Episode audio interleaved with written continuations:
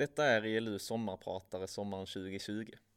Vittnesbördet du ska få lyssna till är personligt och vår förhoppning och bön är att det ska få vara till uppmuntran och uppbyggelse för dig som lyssnar.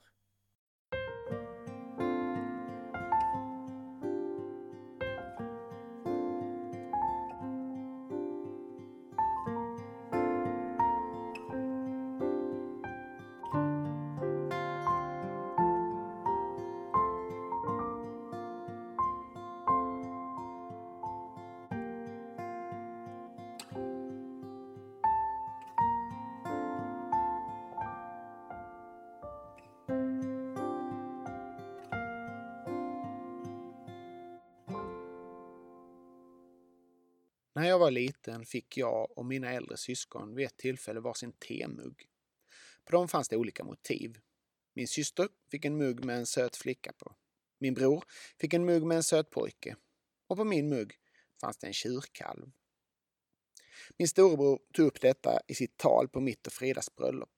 Hans poäng var att detta var något alldeles självklart. Det var inget som han någonsin reagerat på. Temuggarnas motiv och varför vi fick just de vi fick var liksom så uppenbart så det behövdes inga förklaringar och inga frågor behövde ställas. Oavsett om mina föräldrar, eller vem det nu var som gav oss temuggarna, hade en tanke med det hela eller inte, så kändes det helt naturligt. Min syster var en söt flicka, min bror var en söt pojke och jag var en tjurkalv.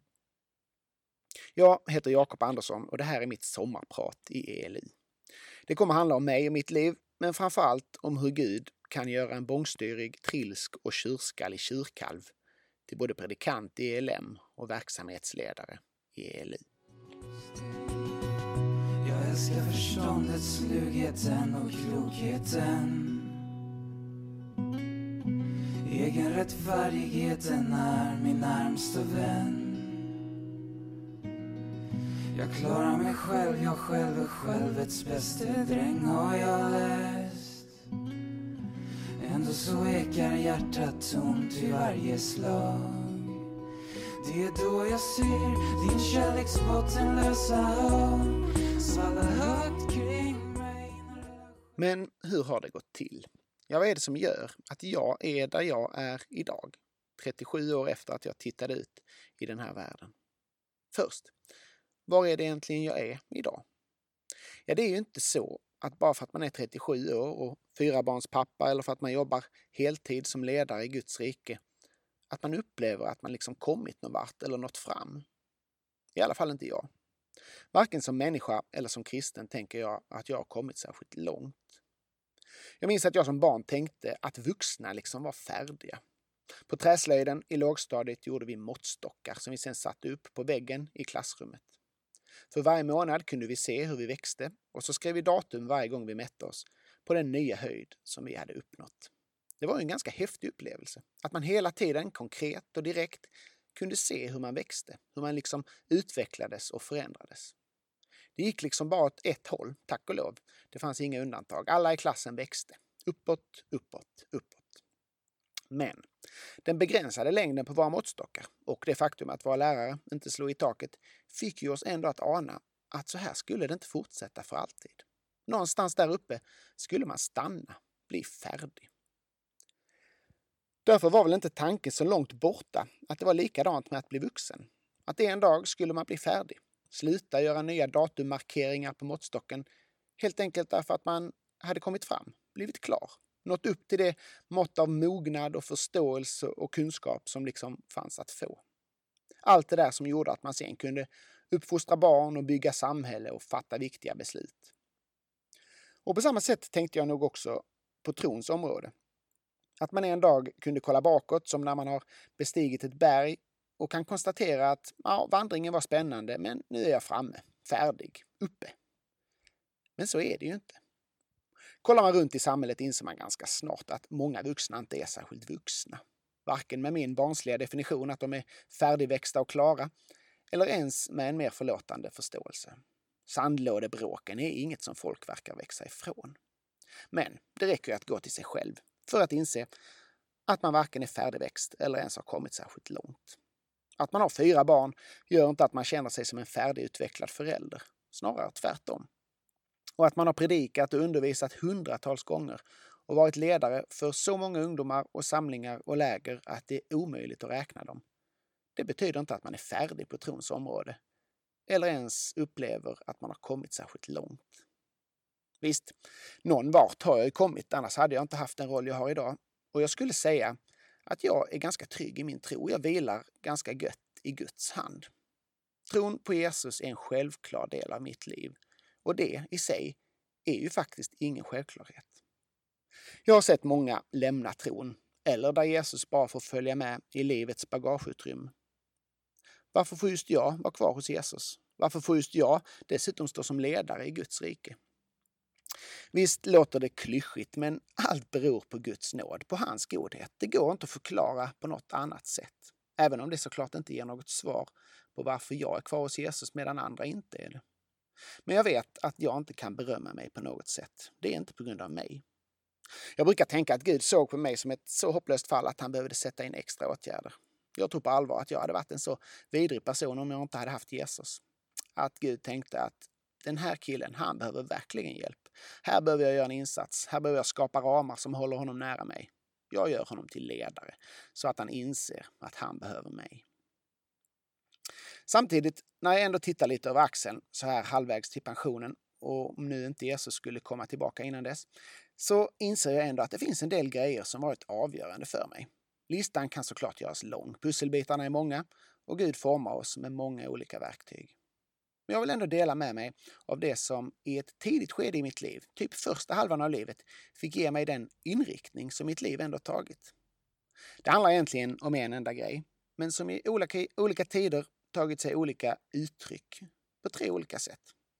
Kanske kan man se det som en eller tre nycklar i mitt liv som öppnade dörrar till den väg som blivit min, som gav mig den inriktning för mitt liv som jag har fått. Det som i sin tur har fått bevara mig hos Jesus, som har fått mig att växa som kristen och som lett mig dit jag är idag.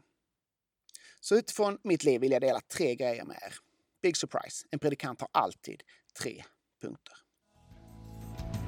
Well, I fell in the road on the way home,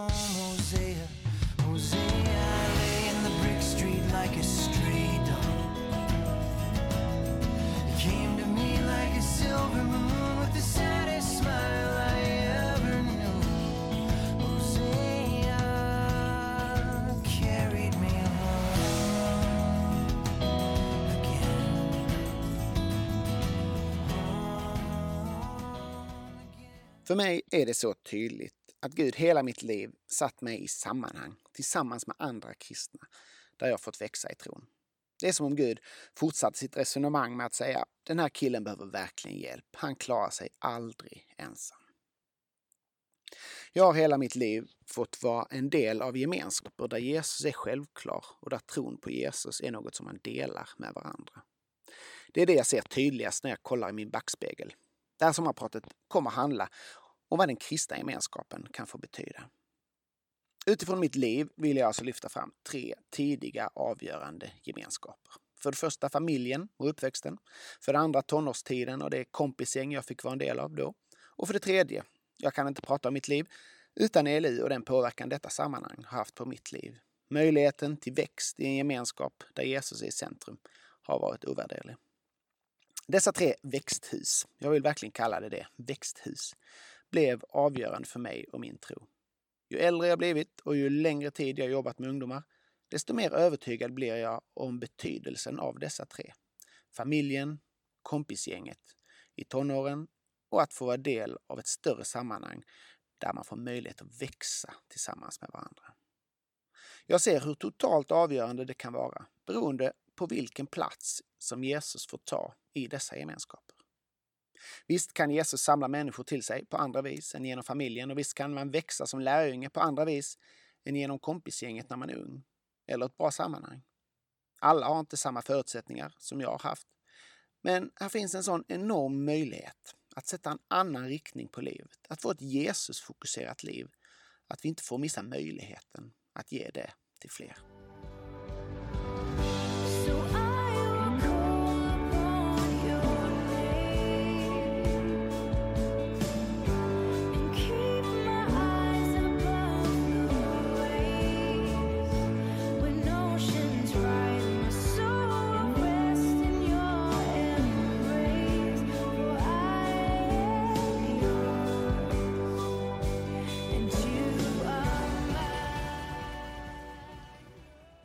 Jag växte upp i Lund och vi åkte ofta till kyrkan på förmiddagen, Sankt Laurentis som är ordentligt högkyrkligt, men framförallt på eftermiddagen varje söndag till Filippi, ELM-föreningen i Lund. Ett stående inslag på söndagsmorgnarna var att jag försökte spela så trött vid frukostbordet med ansiktet vilande på matbordet att mina föräldrar skulle förstå och föreslå att jag nog behövde stanna hemma från kyrkan. Vi var inte i kyrkan alltid och ibland åkte mina föräldrar utan oss barn, så jag visste att chansen fanns, att det kunde gå. För nej, kyrkan och gudstjänsten där tyckte jag var ganska knepig. Man skulle stå upp, sitta ner, sjunga liturgi och böner och så var det processioner, ikoner, märkliga kläder och det där konstiga rökelsekaret som svingades runt över den uppslagna bibeln. I efterhand kan jag ändå tänka att allt det där fick betyda en hel del. Både för att få se bredden i Kristi kyrka, hur det finns en rikedom i de olika traditionerna, men också för att få ana storheten i Gud och i att få närma sig honom. Visst kan liturgi bli vanemönster, tömda på innehåll och bara något man gör utan att hjärtat och hjärnan är med. Men högtidligheten, vördnaden och de olika konkreta uttryckssätten för detta gör någonting med oss, tror jag. Att knäfalla och få ta emot nattvarden, att sträcka ut sina händer för att ta emot välsignelsen, ja till och med rökelsen som stiger mot himlen. Hela gudstjänsten formar oss och vår tro. Det fattade jag kanske inte som barn eller kanske ens som tonåring, men visst har det påverkat mig. Men gemenskapen på Filippi var lättare att förstå. Söndagsskolan, undervisningen, barngrupperna och allt engagemang från de äldre talade ett språk som jag kunde fatta. Det här är på riktigt och det här är viktigt. Samtidigt tror jag inte att jag hade fattat varken detta eller poängen med att gå till högmässan på förmiddagen om jag inte hade fått med mig en grundläggande inställning från hemmet och mina föräldrar. De kommunicerade väldigt tydligt att tron var på riktigt och att det var viktigt. Men inte främst genom att säga det. Och detta tror jag är en nyckel.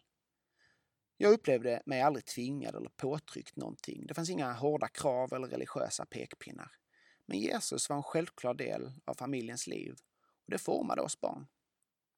Genom att föräldrarna visade att detta betydde mycket för dem, utan att tvinga mig till någonting, fick jag en grundläggande positiv inställning till det kristna livet. Jag tror det är en stor anledning till att jag aldrig upplevt att jag behövt göra uppror eller revolt mot min kristna bakgrund. Sen fejkade jag ju ändå min trötthet vid söndagsfrukosten och när jag under högstadiet hade flickvän med där hemma pillade jag försiktigt bort den upptryckta bön som min mamma satt upp på väggen vid toalettstolen så att man kunde be när man satt på toa. Och så lät jag den falla ner bakom elementet så att flickvännen inte skulle se den och så att mina föräldrar helt enkelt skulle tro att tejpen släppt. Jag tror inte de gick på det. Så visst kunde jag skämmas för att vi var kristna, men själva tron har jag aldrig velat vara utan. Poängen är alltså inte att mina föräldrar inte var tydliga eller att de inte pratade om Jesus, utan precis tvärtom. Det var en stor del av livet. Det var en självklarhet. Men det fanns inget tvång eller krav alls i det, som jag minns det. Det är lite lurigt det här och jag har funderat mycket på ordet viktigt, både sedan jag själv blivit förälder men också utifrån mitt arbete i ELU. Jag tror att om man säger att någonting är viktigt så blir det lätt automatiskt också lite tråkigt och ointressant. Som att borsta tänderna, diska eller deklarera. Viktigt är väl ett ord vi tar till för att det inte finns något mer positivt att säga, är det inte så? Vad kan man säga för positivt om att borsta tänderna, diska eller deklarera? Det måste bara göras. Den som älskar att springa, motionera och träna behöver inte ta till ordet viktigt för att göra det. Men den som inte vill kan behöva höra att det är viktigt att motionera för att man ska snöra på sig löparskorna. Jag tror kanske att vi ska vara försiktiga med att tala om Jesus och den kristna tron främst som något viktigt. Då blir det som att säga till barn och ungdomar att borsta tänderna. Något man måste och borde, men helst hade sluppit. Eller som tandtråd för mig. Jag vet ju att det är viktigt. Stackars alla dessa tandläkare som alltid måste mötas av detta. Ja, ja, det har inte gått så bra med det, men, men nu, nu, nu har jag kommit igång. Typ dagarna precis innan tandläkarbesöket. Och nu, nu, nu ska det bli bättring med det. Kvinnan vid Sykars brunn i Johannes evangeliet 4 sprang inte in i staden och berättade om Jesus för att det var viktigt, utan för att hon hade mött en fantastisk man ute vid brunnen.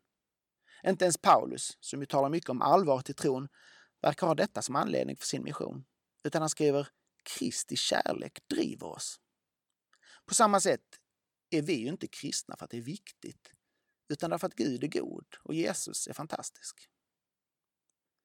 Att Jesus och den kristna tron är viktig, för det är den ju såklart. Det är det viktigaste av allt. Det visar vi inte främst genom att säga det.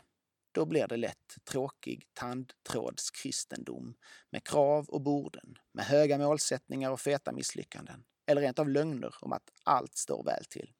Nej, det visar ju vi genom att leva våra liv och prata om Jesus som om han är det viktigaste för oss. Barn gör ju som de vuxna gör, inte som de säger. Det är väl varje förälders stora skräck. Men på trons område utmanar det oss att leva som vi lär. Genom mina föräldrar och genom de andra på Filippi framför allt fick jag smaka och se att Herren är god. Att han är en självklar del av livet. I am weary with the pain of Jacob's wrestling. Darkness with the fear, in the darkness with the fear. But he met the morning wounded with a blessing. So in the night, my hope lives on. Oh, in the night, oh, in the night, oh, in the night, my hope lives on. Jag minns inte så mycket från min barndom på Filippi, men att jag hade kristna vänner där, det visste jag. I skolan var jag i stort sett ensam kristen under hela grundskolan och därför blev betydelsen av de kristna kompisarna på Filippi ännu viktigare. Och det blev väldigt påtagligt för oss ju äldre vi blev. När jag skulle börja gymnasiet flyttade två av mina konfakompisar från Breanäs ner till Lund. Det var en obeskrivlig känsla när vi upptäckte att vi hamnat i samma klass. Efter nio år, där skolan och den kristna gemenskapen liksom var två olika parallella delar av livet, stod jag helt plötsligt i en sits där allt satt ihop. På något sätt blev det också en bild för vad Jesus gjorde i våra liv under den här tiden. Han tog ett steg rätt in i vardagen, rakt in i våra liv. Vi var ett stort och härligt gäng på ungdomsgruppen Berea på Filippi. Några hade ingen kristen bakgrund utan hade blivit kristna på sina konfaläger. Många av oss gick på samma skola. Vi hade ungdomsgruppen, skolgrupper, bönegrupper. Vi åkte på läger och konferenser runt om i landet. Vi var konfafaddrar ihop, drog igång alfakurser. Vi umgicks ofta efter skolan och på fritiden, sov över hos varandra. Några av oss spelade i samma fotbollslag, andra startade ett band ihop. Jag var omusikalisk så jag fick bli manager och kom på namnet Broder Daniel i Lejongropen. Som en kristen motsvarighet till det då populära rockbandet Broder Daniel. Jag tror inte det blev så mycket mer av det än så. Vi var med i KUS Cup, som ELU Sports event hette på den tiden, under det fromma namnet Systrar och bröder i Kristus från Söder. Så vi hade fullt upp. Men när jag tänker tillbaka på det så är det inte allt vi gjorde som är det som jag ser som det verkligt betydelsefulla. Jag tror faktiskt att man kan vara med på en massa kristna samlingar och aktiviteter och grupper och ändå missa hela grejen. Nej, det som var det verkligt betydelsefulla, det var att vi drog varandra närmare Jesus. Det fanns en hunger och en längtan efter Gud i oss som kom från insikten att kristen tro och kristet liv är spännande. Det var inget avancerat. Jag tror helt enkelt vi tänkte så här. Om Gud är Gud, då måste han vara det mest optimala, det mest ultimata, det mest fascinerande som finns. Det bästa av allt, helt enkelt. Kristen tro kan inte vara ointressant och tråkig om den är sann. Och den kan heller inte vara något som man sysslar med bara på söndagsförmiddagen och sen inte tänker mer på. Allting liksom landade i detta. Det finns mer att upptäcka av Gud och livet med honom. Att vi dessutom fick se människor runt omkring oss komma till tro betydde också mycket. Ja, några av oss hade själva nyss blivit kristna. Vi fick bönesvar, tilltal och fick beröras på ett konkret sätt av Jesus. Själv har jag aldrig varit en känslomänniska och upplevde kanske aldrig så mycket som jag hoppades på. Men i den här miljön växte tron, frimodigheten och hungern efter Gud. Om min barndom hade fått mig att inse att kristen tro var viktig och självklar så fick gymnasietiden mig att inse att Gud verkligen är på riktigt. Han är levande och verksam. Den insikten är jag djupt tacksam över, för den leder in i en positiv spiral. För om man räknar med att Gud inte bara finns utan verkligen vill vara en del av våra liv, att han vill beröra, tala och verka genom oss mitt i vardagen, då föds en längtan och en förväntan. Den förväntan gör att man hoppas på, ber om och öppnar sig för Guds verk. Och då är chansen betydligt större att man också får uppleva det. Och då stärks övertygelsen att Gud är levande ännu mer och förväntningarna blir starkare. Och man får vara med om ännu mer av det Gud gör. Och så går det runt. På andra hållet kommer ju en kristen som inte tänker att Gud vill vara involverad i ens vardag, inte heller förvänta sig det, inte be om det och förmodligen heller inte se och uppleva vad han gör på samma vis. Det leder rätt lätt till en distans mellan livet och Gud. Ett konkret exempel på detta var att vi ibland sågs innan skolan eller på första rasten och bad tillsammans att Gud skulle använda oss under dagen. Kanske för att prata med någon om Jesus eller leva ut hans kärlek på ett konkret sätt. Den bönen gjorde enorm skillnad, märkte vi. Inte bara på det sätt som vi tänker att alla böner gör skillnad genom att Gud svarar på bönen och ger oss ett tillfälle. Utan minst lika mycket i oss själva. Att gå till skolan en sån dag blev ju rätt spännande. Vi visste ju att Gud ville använda oss och därför fanns det ju ingen anledning att tro att inte tillfället skulle dyka upp. Därför var man ju både nyfiken och beredd och undrade när det skulle hända. Insikten om att Gud är levande leder till förväntan som leder till bön och öppenhet och som i större utsträckning leder till bönesvar och stärkt tro.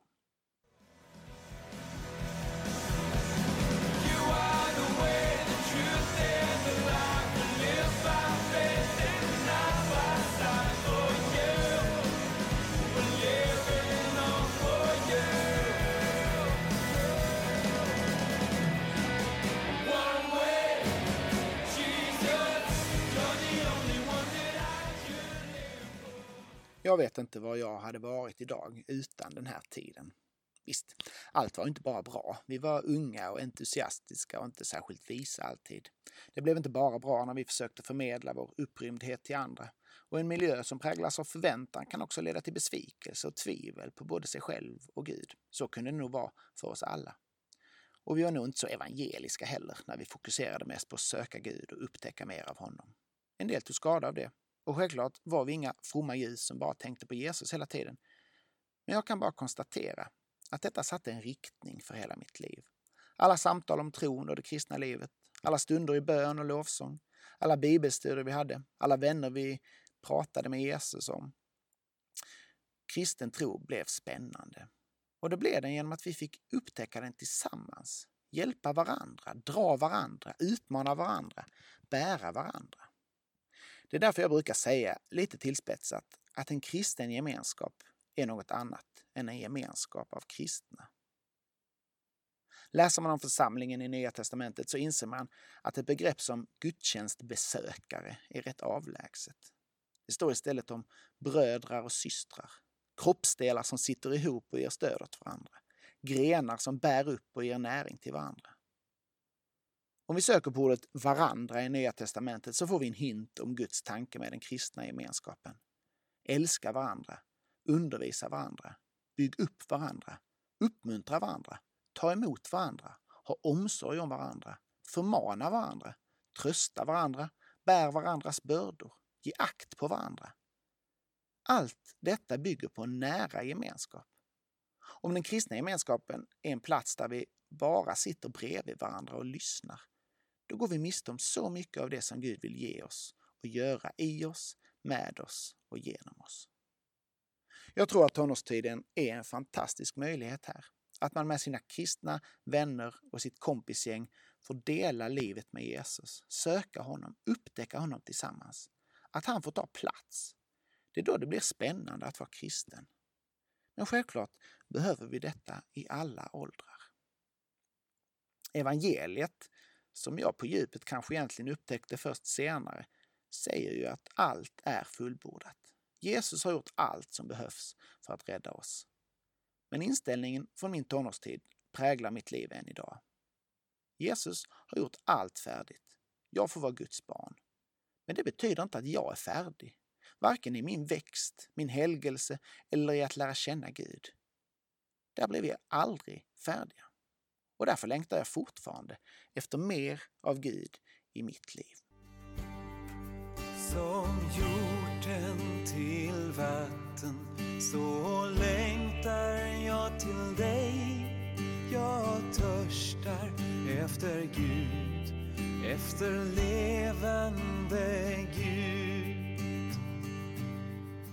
Förbarma dig Gud. Kanske kan man tänka att det här med längtan och hunger efter Gud handlar mycket om känslor och därför inte riktigt känna igen sig i det. Men för mig har det aldrig handlat om det. Visst finns det i det karismatiska en större liksom, plats för Guds beröring, att få se och uppleva det han gör. Men jag har aldrig upplevt så mycket av det. Att längta och hungra efter Gud, att ta tid i lovsång och bön, att hänge sig i gudstjänsten, att öppna sig för Guds tilltal och verk, att vilja dela tron med andra, prioritera tid med Jesus, läsa böcker och fördjupa sig i Bibeln, eller för den delen engagera sig och gå in i ansvarsuppgifter. Allt det här handlar för mig inte om att söka eller följa några känslor, utan det handlar om ett val. Jag vet att Jesus är värd att följa. Han är värd att söka. Han är värd att leva för. Och då vill jag välja att göra det. Ibland kan vi tänka att de som står längst fram i lovsången i gudstjänsten med lyfta händer, det är känslomänniskorna. Jag tänker att det ofta är precis tvärtom. I alla fall när det gäller mig. Hade jag låtit mig styras av mina känslor hade jag ofta suttit längst bak och scrollat på mobilen istället. Men jag vill välja att lovsjunga Gud, för han är värd det. Jag brukar tänka att det är de som är sämst på att fokusera som behöver sitta långt fram under predikan eller stå upp i lovsången för att få hjälp att fatta vad de håller på med. Jag är en sån. Och att det är de som har störst brister och behov av hjälp som går till bikt och förbön eller drar igång hemgrupper och bönegrupper. Det är inte de fromma. Därför vill jag göra det. Och ofta tänker jag, i alla fall utifrån mitt liv, att det är likadant med att vara predikant och ledare. Detta är perfekta redskap för Gud att hålla mig nära sig. En tjurkalv som annars hade haft så lätt för att springa bort. Jag kan bara tacka Gud för det. Så jag behöver mer av honom. Inte för att jag är from och helgad, utan tvärtom. Därför har jag behövt söka mig nära honom och inrätta mitt liv så att han får bli en naturlig del av det. Därför vill jag välja att låta Jesus vara en större del av mitt liv. Och därför längtar jag efter mer av honom. Hunger låter kanske fromt, men det handlar egentligen om en tom mage som behöver fyllas. Men visst är det också så att den som söker, han ska finna. Och för den som bultar ska dörren öppnas. Att vara i Guds närhet, det mättas vi av. Samtidigt som hungern efter mer blir större. En händelse på en båt på natten och under tidig morgon i Filippinerna har varit betydelsefull för mig. Och den illustrerar också hur Gud har verkat i mitt liv. Bakgrunden var att jag gick en lärjunga och missionsskola på Nya Zeeland. Ibland gick jag upp tidigt på morgonen, ställde mig på en speciell plats mellan några träd och blickade ut över det fantastiska nyzeeländska landskapet och började dagen i bön.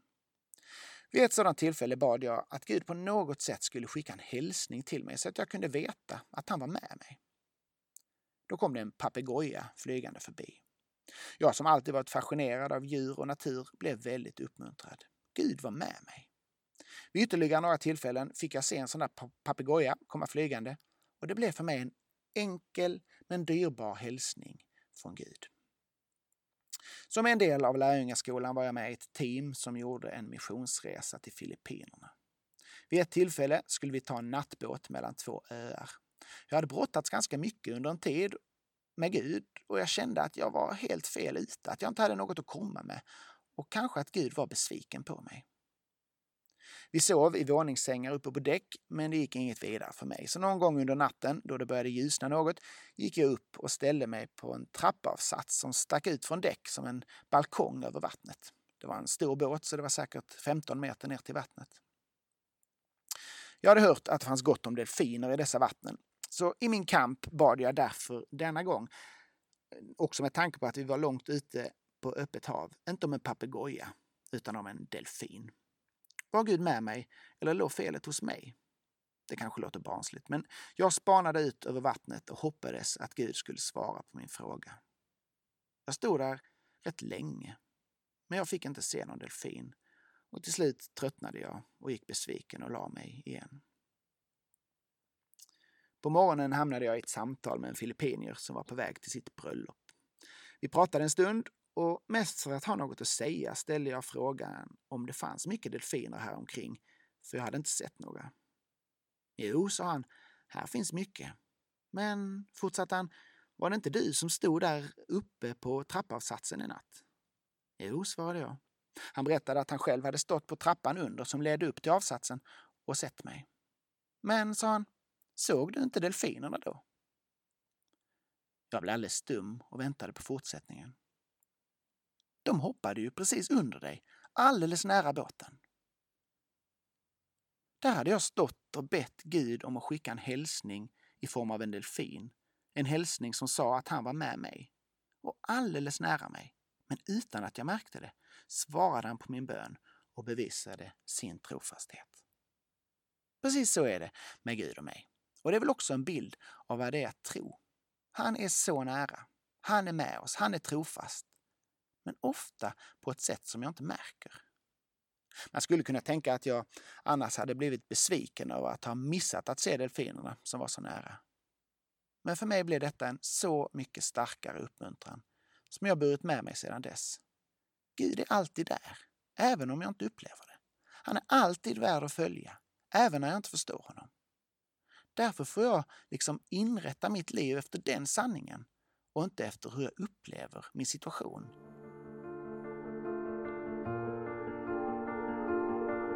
Remind me once again just who I am because I need to know.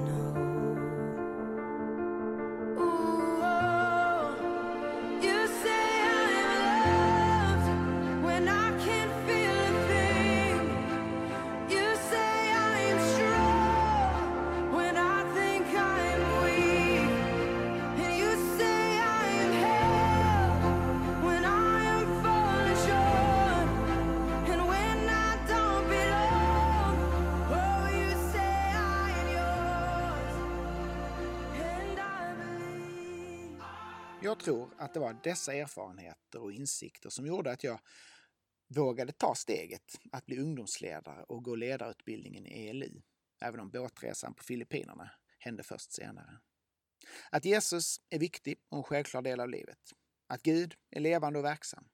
Att det alltid finns mer att upptäcka av honom och att han alltid är värd att följa. Men det var verkligen ingen självklarhet att ta det steget och jag tvekade länge. För jag var inte alls någon frimodig typ. Människofruktan var och har alltid varit en stor del av mitt liv.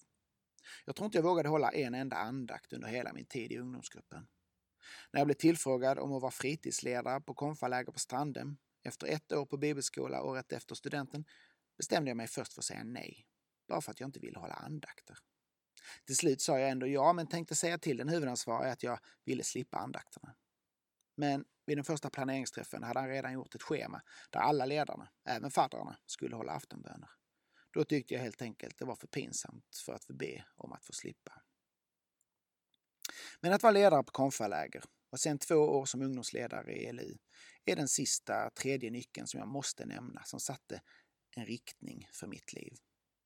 Två år efter att jag konfirmerades var jag fadder och fick sen vara ledare sex gånger de följande nio åren. Och sen ännu fler gånger. Ungdomsledare var jag i Kristianstad ett år och sen i Lund ett år. Det var tre saker som blev extra betydelsefulla för mig genom detta. Och allt handlar återigen om den kristna gemenskapen. För det första gav den trygga miljön som konfaledare och ungdomsledare mig möjligheten att växa och utmanas. Jag som hatade att tala inför folk på grund av min människofruktan började till min förtvivlan inse att jag både kunde och trivdes med att undervisa. Steg för steg fick jag prova på och utmana mig själv och upptäcka en kallelse från Gud där jag som minst anat den. Det här var inte min grej, det visste jag. Men Gud var med och ingenting är omöjligt för honom. Och så fick tilliten till Gud, kallelsen och självförtroendet växa, även om människofruktan fortfarande fanns kvar. Om jag inte hade fått chansen som ung, nervös och orutinerad och utan den trygga gemenskapen som fanns runt omkring hade jag nog fortfarande sagt att tala inför folk, det är inte min grej. För det andra fick jag se att det faktiskt går att göra verklig skillnad. Vi fick se ännu fler ungdomar komma till tro, främst på konfaläger men även via ungdomsgrupperna. För en del var det såklart inte så djupgående och varade bara en kortare tid. Men för många blev det en verklig livsförvandling som gör att de vandrar med Jesus än idag. Ett härligt exempel som jag måste nämna är Simon som blev kristen på det där konfalägret där jag inte ville hålla andakt. Hans lillebror Anders hängde med till ungdomsgruppen när jag var ungdomsledare. Han gick i sjuan och jag minns att han kom till förbön och ville att jag skulle be för honom. För han ville också bli en kristen. Senare, när han själv var konfirmerad och jag blivit ungdomssekreterare, fick jag vara hemgruppsledare för honom under flera år. Sen blev vi kollegor. Och nu är han predikant i ELM Malmö och jag frågar gärna honom om råd i teologiska frågor. Och Simon har varit konfachef fler gånger än vad jag har. Det är fantastiskt. Och det var så uppmuntrande för en som varit kristen hela livet. Och det gjorde övertygelsen ännu starkare. Gud är på riktigt och vi kan göra skillnad. Och det är fantastiskt att få vara med på ett hörn när Gud gör grejer. För det är det det handlar om. Slutsatsen blev väldigt enkel för mig som 21-åring. Hur kan det finnas något mer meningsfullt att syssla med än att leda människor till Jesus? Det tredje avtrycket som åren som konfaledare och ungdomsledare gav mig satte också djupa spår. Det var att jag såg behoven. Jag minns avslutningsstunden på ett konfaläger på Breanäs. En av killarna som inte hade någon kristen bakgrund och haft fyra omvälvande veckor satt på huk i gräset och grät. Det är ju alltid emotionellt med sådana där farväl, men scenen grep tag i mig. För jag insåg att han har ingen kristen gemenskap att komma hem till. Där finns ingen hjälp, inget stöd och ingen som tog emot honom. Den här nöden har gripit tag i mig fler gånger. Inte minst när jag flera år senare, efter bara några veckor på lärarutbildningen efter en natt i bön, helt enkelt blev tvungen att hoppa av studierna för att kunna lägga mer tid på att stötta konfirmander. Slutsatsen var återigen ganska enkel för mig. Hur kan det finnas något större och viktigare än att hjälpa människor att bevaras och växa i tron? Jag tror att det var allt detta som gjorde att jag, där jag satt i en skumpig bil på den filippinska landsbygden efter åren som ungdomsledare, vi var på väg mot ett evangelisationsmöte ute i en liten avlägsen by där jag skulle förklara evangeliet. Då upptäckte jag att jag istället satt och längtade efter att få komma hem och få engagera mig ännu mer i ELU och leda fler ungdomar till Jesus och hjälpa dem att bevaras och växa i tron. 2007 fick jag förmånen att få börja jobba för ELI och har gjort det sedan dess. Jag tänkte väl att det skulle bli några år så det där med utbildning fick vänta lite. Så gick det med det. Sedan dess har det såklart hänt mycket annat betydelsefullt i mitt liv och min vandring med Jesus. Men det jag pratat om här idag tror jag satte en inriktning på mitt liv som gör att jag inte har kunnat sluta än. Jesus är det viktigaste och vill vara en självklar del av våra liv. Han är levande och verksam. Han är alltid värd att följa, oavsett vad han kallar oss in i och hur lite vi ser av vägen. Hos honom får vi växa och blomma ut. Vi kan göra skillnad och få vara med när han gör sina grejer. Och finns det något mer meningsfullt än att få leda människor till Jesus och se dem bevaras och växa i tron på honom?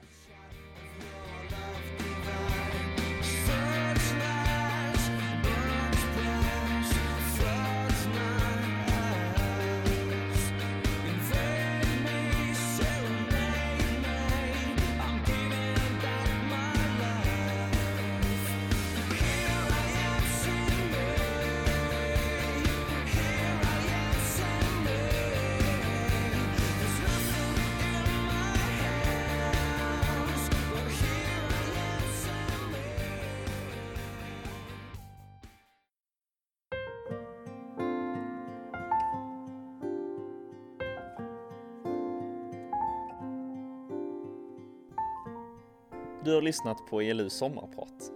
Du hittar våra andra avsnitt i ELU-arkivet via din podcastapp eller på elungdom.se. Där kan du dessutom ge en gåva eller bli månadsgåvogivare till ELU. Tack för att du lyssnat. Ha en fin sommar.